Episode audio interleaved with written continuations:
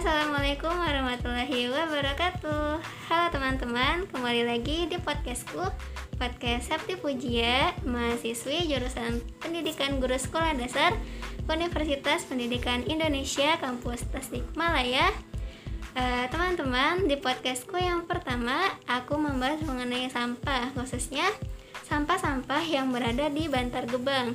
Nah, kali ini topik pembahas pembahasanku tidak jauh dari situ masih mengenai seputar lingkungan. Tapi kali ini ada yang berbeda. Kali ini aku tidak sendiri. Aku ditemani oleh dua orang anak SD. Eh, Kira-kira siapa ya namanya? Eh, boleh diperkenalkan? Saya Amira Gaisani Salsabila. Satu lagi? Arlita Halidini Salsabila Iya, teman-teman, kali ini aku ditemani oleh Amira dan Elita. Di podcast kali ini, aku akan membahas mengenai lingkungan dan pencemaran sungai. Eh, kita akan bertukar pikiran mengenai hal-hal tersebut eh, menurut pandangan Almira dan Elita. Nah, sekarang Teteh mau nanya nih ke Almira sama Lita. Kira-kira yang kalian ketahui tentang lingkungan itu apa aja sih?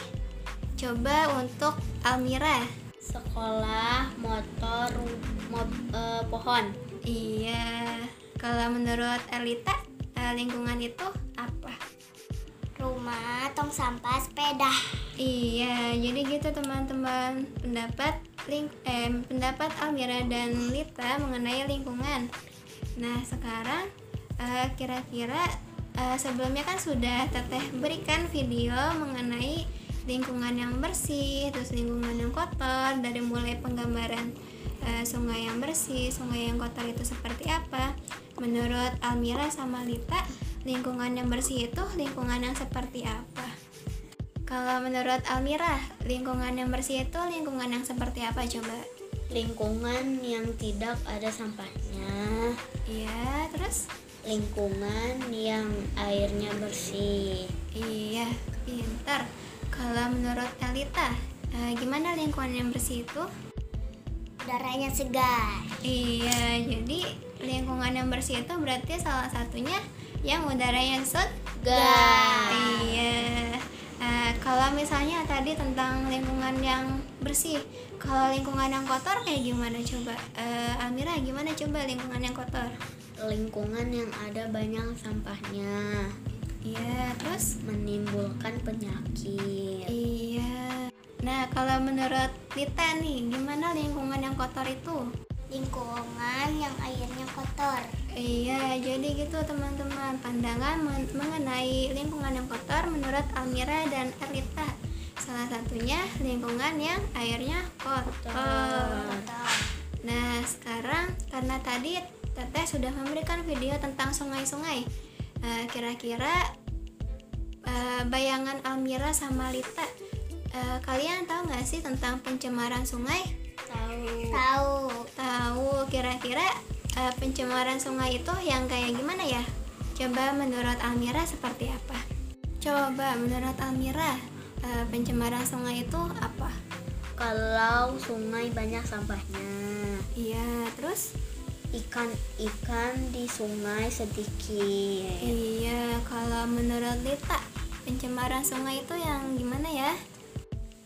Airnya berwarna coklat Iya, jadi gitu teman-teman. Menurut Almira sama Lita, eh, pencemaran sungai itu terjadi ketika kondisi sungai banyak sampahnya, ikan-ikan di sungainya sedikit ya, karena sungainya sudah tercemar. Jadi banyak habitat-habitatnya yang ikut kotor sehingga eh, ikan-ikan di sana pada mati, mati. Iya, sedikit. Dan juga eh, pencemaran sungai juga ketika uh, sungai itu airnya berwarna coklat. Coklat.